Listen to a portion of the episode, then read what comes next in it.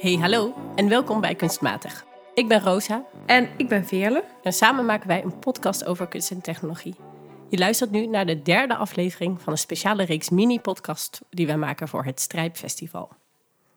Luisteren is ook een politieke zaak.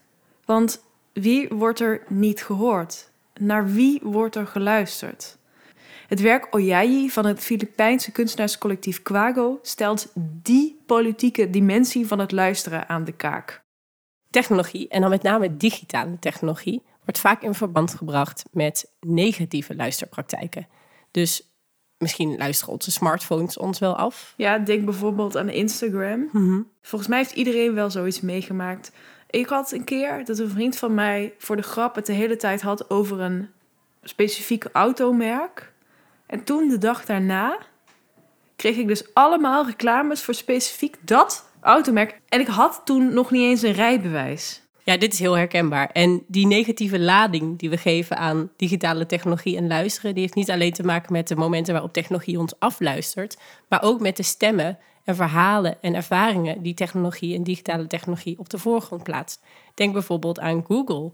Welke resultaten krijg jij als je een bepaalde zoekopdracht invoert? En ook met je social media. Sommige stemmen en verhalen worden heel erg op de voorgrond geplaatst. Die lijken heel groot te zijn, terwijl dat misschien alleen maar zo is in jouw specifieke bubbel. En zo blijven andere stemmen onderbelicht. Ja, en ook daar, ik werd me daar dus pas bewust van op het moment dat ik ervoor koos om Google niet te gebruiken, maar DuckDuckGo. Toen pas zag ik hoeveel Google van mij wist en hoe fijn al die zoekresultaten aansloten bij inderdaad mijn interesses, mijn meningen. Heel schrikbarend. Luisteren en technologie hebben soms een wat moeilijke relatie. Maar kunstcollectief Quago die vraagt zich af wat het potentieel van technologie zou kunnen zijn om juist beter voor elkaar te zorgen. Zouden we die technologie ook in kunnen zetten om op een andere manier, op een betere manier naar elkaar te gaan luisteren, in plaats van van ons de hele tijd af te leiden? Ja, dus ze willen het technologie juist omdraaien en inzetten om positieve luisterervaringen te creëren en te stimuleren. En dat is precies wat ze in dit werk ook doen. In dit werk word je namelijk uitgenodigd om goed te luisteren naar stemmen die anders zijn dan de jouwe. Stemmen die je normaal gesproken misschien niet zo vaak hoort. En die ook lastig te horen zijn in de wereld waarin we leven. En dat doen ze concreet in de tentoonstelling met behulp van een soort stethoscoopachtig instrument. En je moet dat instrument gebruiken om letterlijk de stemmen te kunnen vinden.